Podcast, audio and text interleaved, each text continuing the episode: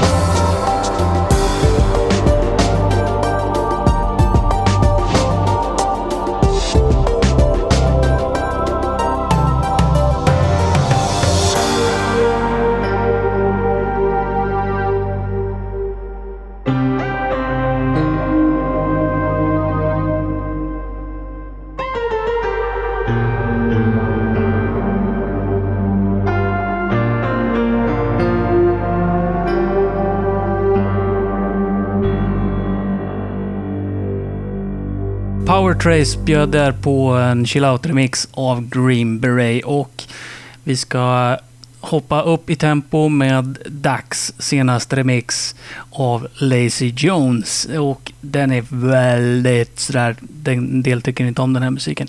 Men sen lovar jag att det kommer någonting betydligt behagligare för er andra. Så häng kvar, härda ut för att det kommer att vara värt det.